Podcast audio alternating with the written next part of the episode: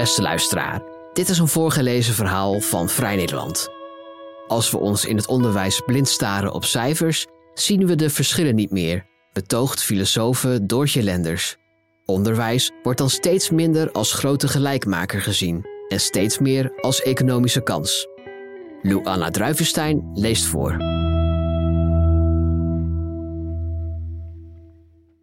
Ik ga het gewoon eerlijk zeggen.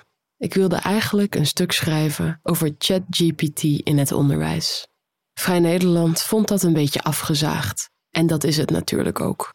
De zogenaamd intelligente typemachine is van zichzelf namelijk niet zo bijster interessant. Net als veel innovatieve verschijnselen prikkelt het niet vanwege de nieuwe vragen die het oproept, maar doordat het fundamentele vragen van alle tijden in een nieuw licht zet. Ik zou het kunnen hebben over het feit dat leerlingen een verslag door een computer kunnen laten schrijven en er gewoon een voldoende voor kunnen halen. En dat dat heel erg is en het onderwijs heringericht moet worden om het te bestendigen tegen algoritmische plagiaat. Maar dat ga ik dus niet doen. Want waar het eigenlijk om gaat, waarom is het zo belangrijk om een voldoende te halen? Wat zegt een 6 of een 4 of een 9 over een leerling? Wat zegt het over de docent die dat cijfer uitdeelt? Wat zegt het over het onderwijssysteem dat het voor een leerling aantrekkelijker is om een voldoende te garanderen met een matig kunstmatig verslag dan een onvoldoende te riskeren met een rommelig geformuleerde en half ontwikkelde maar authentieke gedachte?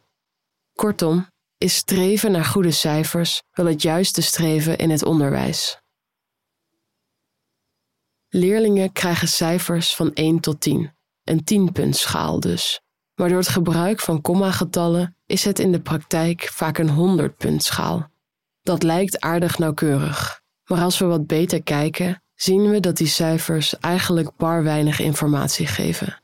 Tamara van Schildmol, lector eigentijds beslissen en beoordelen aan de Hogeschool van Arnhem en Nijmegen, zegt: Een eindcijfer is vaak een gemiddelde van allerlei toetsmomenten maar alle toetsen zijn anders. Zo hebben ze verschillende doelen. Is de ene toets nou eenmaal minder goed ontworpen dan de andere en worden er soms ook nog punten afgetrokken voor afwezigheid bij de les of het niet maken van huiswerk. Al die cijfers bevatten totaal onvergelijkbare informatie die desondanks in één cijfer wordt gestopt. In dezelfde adem noemt Van Schildmol de volgende denkfout. We menen daar vervolgens uit te kunnen concluderen dat een leerling die een 6,2 haalt minder goed is dan een leerling met een 6,3. Doordat cijfers de schijn van objectiviteit wekken, overtuigen ze er ons ook van dat het vergelijken van de cijfers van verschillende leerlingen een objectief beeld geeft van hoe zij ten opzichte van elkaar presteren terwijl het wel degelijk uitmaakt of een leerling een onvoldoende haalt voor wiskunde omdat die leerling de uitleg van de docent niet snapt, of de uitleg mist door een gebrek aan concentratie, of de uitleg prima begrijpt, maar na school liever de hele dag accordeon speelt dan wiskunde huiswerk maakt. Als we ons blind staren op de cijfers, zien we de verschillen niet meer. Ik vind trouwens helemaal niet dat accordeon spelen minder belangrijk is dan wiskunde leren. Maar als je hoge cijfers wilt, zou het veel slimmer zijn om die accordeon in een hoek te gooien en je over je ruitjesschrift te buigen. We zijn gewend te denken dat we hoge cijfers toekennen aan wat we belangrijk vinden, maar het tegenovergestelde is ook waar. Waar we hoge cijfers aan toekennen, wordt vanzelf belangrijk. Als we een meetinstrument toepassen vernauwt het curriculum tot dat wat we meten, stelt Wouter Modderkolk, economiedocent en decaan van de Stichtse Vrije School in Zeist en onderwijsonderzoeker aan zowel de Hogeschool Leiden als de Erasmus Universiteit Rotterdam. Een heuse onderwijsoctopus. Als ik Modderkolk vraag of al dat toetsen eigenlijk wel ergens goed voor is, antwoordt hij: Toetsen is niets meer of minder dan waarnemen. Om echt te zien, moeten we eerst weten: wat wil ik nou eigenlijk zien? Oftewel, waartoe dient ons onderwijs? Het antwoord op die vraag zou leidend moeten zijn bij het vormgeven van toetsen en beoordelen, en dus bij het al dan niet toekennen van cijfers. In werkelijkheid worden toetsen vaak ondoordacht ingezet. Het is nou eenmaal gebruikelijk dat we elke zoveel tijd de onderwezen stof in een toets schieten en er een getal aan hangen om te beoordelen of de leerling de stof voldoende onder de knie heeft. Om te bepalen of en wanneer cijfers geven zinnig is, moeten we dus eerst weten wat we eigenlijk willen bereiken met dat cijfer. Pedagoog Gert Bista onderscheidt drie doelen waar goed onderwijs naar moet streven: kwalificatie, socialisatie en subjectificatie. Kwalificatie gaat over het verwerven van kennis en vaardigheden. De tafel van zeven voor een basisschoolleerling, het zetten van een permanent in de kappersopleiding en het uitvoeren van een EEG voor een neurowetenschapper in spe. Socialisatie betekent dat een leerling onderdeel wordt van de maatschappij en de bijbehorende tradities en gewoontes leert. Schone kleren aantrekken, stemmen, sorry zeggen. Voorbeelden van socialisatie zijn de vakken maatschappijleer op de middelbare school en burgerschap op het MBO. Subjectificatie, ook wel persoonsvorming, is iets complexer en is de meest opvallende en gewaardeerde toevoeging van Bista aan het denken over onderwijs. Het houdt in dat een mens zich leert verhouden tot de omgeving, een zelfwoord. Een subject kent natuurlijk de sociale mores, maar voegt zich niet klakkeloos naar maatschappelijke verwachtingen. Een subject weet ook wanneer het passender is om te weigeren en een eigen plan te trekken. In elk geval neemt het subject verantwoordelijkheid voor het eigen denken en handelen. En wellicht het allerbelangrijkste, een geslaagd subject is niet alleen een zelf, maar wil ook een zelf zijn. Misschien wordt het idee van subjectificatie wel het duidelijkst aan de hand van een voorbeeld waarin het in ieder geval niet gelukt is. De student die liever een verslag door ChatGPT laat schrijven dan zelf in de pen te klimmen. Deze student hoeft niet zo nodig een zelf te zijn, met doordachte overtuigingen. Daar krijg je immers geen cijfers voor. Het werk van Bista is ontzettend populair in onderwijsland. Al in 2016 publiceerde de Onderwijsraad een advies waarin die een kader beschrijft waarin naast kwalificatie ook socialisatie en persoonsvorming worden opgevoerd als doeldomeinen waar het onderwijs aan bijdraagt en zorg voor draagt. Toch blijft het curriculum grotendeels om kwalificatie draaien we houden nou eenmaal van cijfers en onderwijzen daarom vooral kennis en vaardigheden waarvan we, zij het gebrekkig, kunnen meten of een leerling ze bezit. Waarom zijn we eigenlijk zo krampachtig aan het meten geslagen in het onderwijs? Dat vraag ik Piet de Rooij, historicus en auteur van een geschiedenis van het onderwijs in Nederland. Tot grofweg 1800 vond onderwijs vooral één op één plaats en was toegankelijk voor een kleine elite. Cijfers waren niet zo relevant. De docent wist door het intensieve contact precies waar de leerling stond. Toen het idee opkwam dat het gewone volk een burgerlijke en religieuze plicht had om wat basisvaardigheden onder de knie te krijgen, denk aan het lezen van de krant en de Bijbel, werd het klassikale onderwijs geïntroduceerd.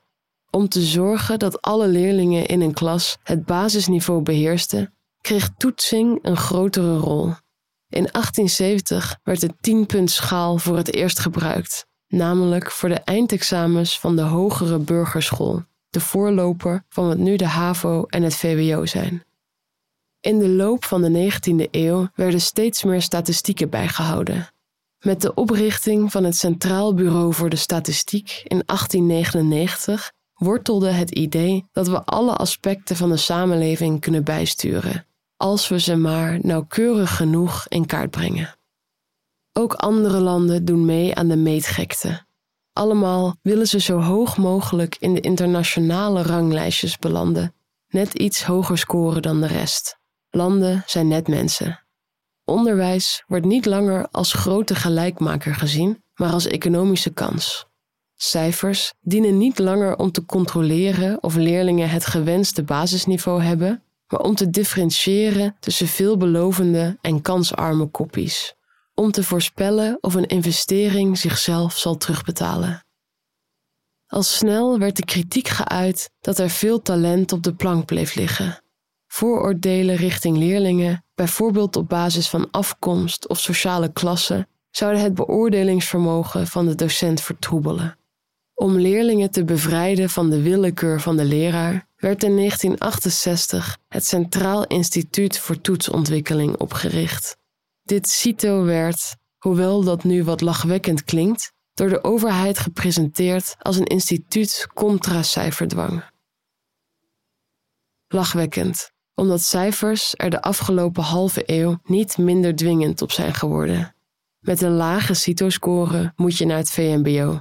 Met een hoge word je geacht naar het VWO te gaan. Als je op de universiteit een vak met een 5,5 afrondt, krijg je de bijbehorende studiepunten. Bij een lager cijfer krijg je er 0 en moet je het volgend jaar opnieuw proberen. Tenzij je in het eerste jaar minder dan 45 punten bij elkaar sprokkelt. In dat geval ben je het volgende collegejaar niet meer welkom op de opleiding. Het idee dat leerprestaties op een scorebord bijgehouden kunnen worden, past naadloos in het idee van onderwijs als economische kans. Maar het is een misverstand dat een competitiecultuur het beste uit leerlingen haalt. In werkelijkheid, legt Tamara van Schildmol uit, zeggen cijfers helemaal niet veel over de intellectuele capaciteiten van een leerling. Ze zegt: Als de ene leerling een 6 haalt en de andere een 9, gaan we ervan uit dat de eerste leerling meer aandacht nodig heeft. Maar veel leerlingen weten precies wat ze moeten doen om net dat zesje te halen. Die zes zegt dan niks over gebrekkige studievaardigheden, alleen over sterke zelfreguleringsvaardigheden. Hoe goed een leerling presteert in een competitieve context is bovendien sterk verbonden aan sociale achtergrond. Volgens Van Schildmol blijkt uit onderzoek dat de competitiecultuur nadelig uitpakt voor leerlingen uit lagere sociale milieus. Leerlingen uit hogere sociale milieus zijn binnen zo'n context gemotiveerder om hoge cijfers te halen en kunnen vaker leunen op ouders die een aanmoediging en hulp bieden bij het opkrikken van een onvoldoende. Bovendien zijn deze leerlingen meer gewillig om aan de docent en aan medeleerlingen te bewijzen wat ze kunnen. Ondanks de schijn van kansengelijkheid zijn het leerlingen uit hogere sociale milieus die floreren in een competitief klaslokaal. Of nou ja, floreren, misschien is overleven een beter woord. Zelf ben ik in mijn onderwijscarrière zonder verwondingen door de ene na de andere brandende hoepel gesprongen. Een torenhoge CITO-score, achtens en negens op mijn eindexamen en in één ruk door naar de universiteit. De eerste paar vakken waren goed te overzien. Oefensommen, inleveropdrachten, meer keuzetoetsen. Niks wat me niet zou lukken als ik het boek maar uit mijn hoofd zou leren. Tot ik mijn eerste essay moest inleveren. Ik was bang dat ik door de mand zou vallen, dat mijn façade van studievaardigheid zou afbrokkelen om een totaal gebrek aan intelligentie en originaliteit aan het licht te brengen. Als ik het essay door ChatGPT had kunnen laten schrijven, had ik dat maar wat graag gedaan. Ik belandde op de bank van de studentenpsycholoog. Dat had me wellicht geholpen als ik er leerde mijn zelfbeeld wat meer los te koppelen van mijn cijfers of als ik er werd gestimuleerd om dingen te ondernemen waarin ik geheid zou falen om te ondervinden dat de wereld dan niet zou vergaan. In plaats daarvan trok de psycholoog iets heel anders uit de gereedschapskist: een IQ-test. Een gestandaardiseerde test om te bewijzen dat ik heus wel tienen kon blijven halen als ik me niet zo druk maakte. Mijn angst voor lage cijfers moest worden bestreden met meer bikkelharde cijfers. Zo hardnekkig is ons geloof in getallen. Er is nog veel onduidelijk over de relatie tussen cijfers en mentaal welzijn. Op dit moment wordt er in opdracht van het ministerie van Onderwijs, Cultuur en Wetenschap een groot onderzoek uitgevoerd naar de oorzaken van stress en prestatiedruk onder studenten. Wel blijkt uit de monitor Mentale Gezondheid en Middelengebruik Studenten Hoger Onderwijs 2021 dat studenten die vanuit zichzelf of vanuit anderen prestatiedruk ervaren, significant meer last hebben van psychische klachten en juist minder goed scoren op positief mentaal welzijn en veerkracht. Dat is het geluk van de lucky few. Ik probeer de zogenaamde motivatiekloof niet te bagatelliseren. Integendeel, hij bestaat wel degelijk. En het is absoluut een kwestie van geluk dat ik vrij makkelijk een diploma heb kunnen behalen, waardoor echte deuren in de echte wereld werkelijk voor mij opengaan. Toch is er iets dat de kloof overstijgt. Door cijfers doen leerlingen precies wat er nodig is om een goed genoeg cijfer te halen. Of goed genoeg nou een 6 is of een 9.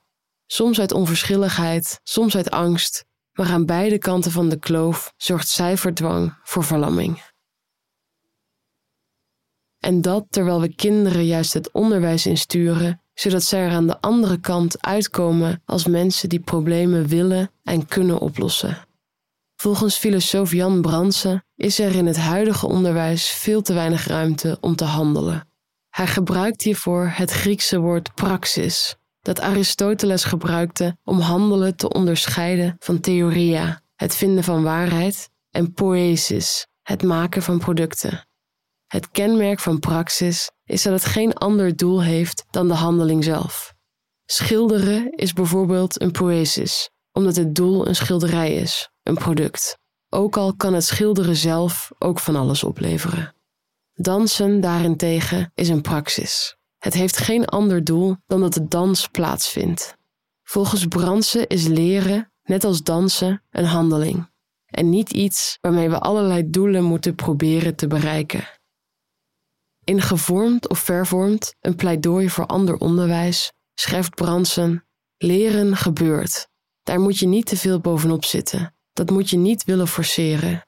Daar hoort bij dat dit gebeurende leren om zichzelf betekenisvol en de moeite waard is. Het gaat niet om de opbrengst, maar om het leren zelf, omdat het plaatsvindt. Het klaslokaal is vooral een handelingsruimte waarbinnen leerlingen zelf een antwoord kunnen vinden op die fundamentele vraag: wat is het doel van mijn onderwijs? Onderwijsdoelen zoals die van BISTA, kwalificatie, socialisatie en subjectificatie volgen dan vanzelf, maar staan niet in steen gebeiteld. Het probleem met cijfers is dat ze uitdrukken of een leerling aan bepaalde verwachtingen voldoet, bepaalde doelen heeft bereikt. Als we leren niet als middel, maar als doel op zich zien, heeft het helemaal geen zin dat een leraar daar cijfers voor geeft. Michiel Tolman, oprichter van de Bildung Academie, beaamt dit. De Bildung Academie is opgericht met als doel om het ideaal van Bildung mensen zo breed en volledig mogelijk tot ontwikkeling brengen, te integreren in het onderwijs. Zij doen dit onder meer door onderwijsprogramma's voor MBO, HBO en WO-studenten te ontwikkelen. Volgens Tolman is een toets niet waardevol omdat het de mogelijkheid biedt om een student te beoordelen, maar omdat een naderende deadline aanzet tot handelen. Hij zegt: Idealiter laat onderwijs studenten ervaren dat een eindproduct altijd ook een tussenproduct is. Het kan in eerste instantie moeilijk zijn om een keuze te maken over hoe je een idee tot uitvoer gaat brengen. Maar je leert dat het goed is dat je een keuze maakt. Die vaardigheid komt in het hele leven van pas. De docent schept een handelingsruimte door leerlingen te begeleiden in het maken van keuzes. Het doen is het doel, de uitkomst komt later. Dit betekent niet dat we cijfers meteen overboord moeten gooien. Het betekent wel dat we er op een hele andere manier mee om moeten gaan. Cijfers horen geen ordeningsmiddel te zijn om leerlingen voor te sorteren op de ene of andere carrière, maar slechts een hulpmiddel in het leerproces en in de communicatie tussen leraar en leerling. Wouter Modderkolk geeft hiervan een mooi voorbeeld. Hij vraagt leerlingen regelmatig om zichzelf een cijfer te geven. Daarover gaat hij met ze in gesprek wat heb je nog te leren waardoor je nu nog geen punt hoger verdient? En wat heb je al geleerd waardoor je dit cijfer verdient en niet een punt lager? Dat leidt tot prachtige verhalen, zegt Modderkolk. Cijfers zorgen te vaak dat het gesprek eindigt, terwijl het juist dat gesprek is waardoor leerlingen tot zelfinzicht komen. Cijfers voeden het idee dat scholen diplomafabrieken zijn, docenten veredelde examentrainers en leerlingen de belastingbetalers van de toekomst. Cijfers vertellen niet of leerlingen hebben geleerd welke plek ze innemen in de wereld, hebben geleerd hoe ze zich tot anderen verhouden, hebben geleerd om te leren en te proberen en te falen. Ze vertellen niet of een leerling het heeft aangedurfd om honderd mislukte essays te schrijven over ChatGPT of één simpele opdracht aan datzelfde programma heeft gegeven.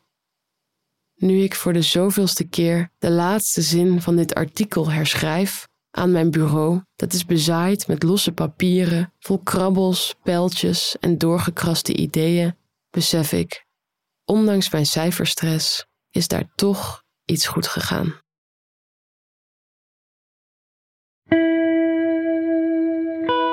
Wil je meer verhalen van ons lezen of beluisteren? Kijk dan op vn.nl of abonneer je op Vrij Nederland in je podcast-app. Voor onze trouwe luisteraars hebben wij ook een speciale actie. Een half jaar Vrij Nederland online voor maar 15 euro. Kijk voor de aanbieding en de voorwaarden op vn.nl/podcast. Bedankt voor het luisteren.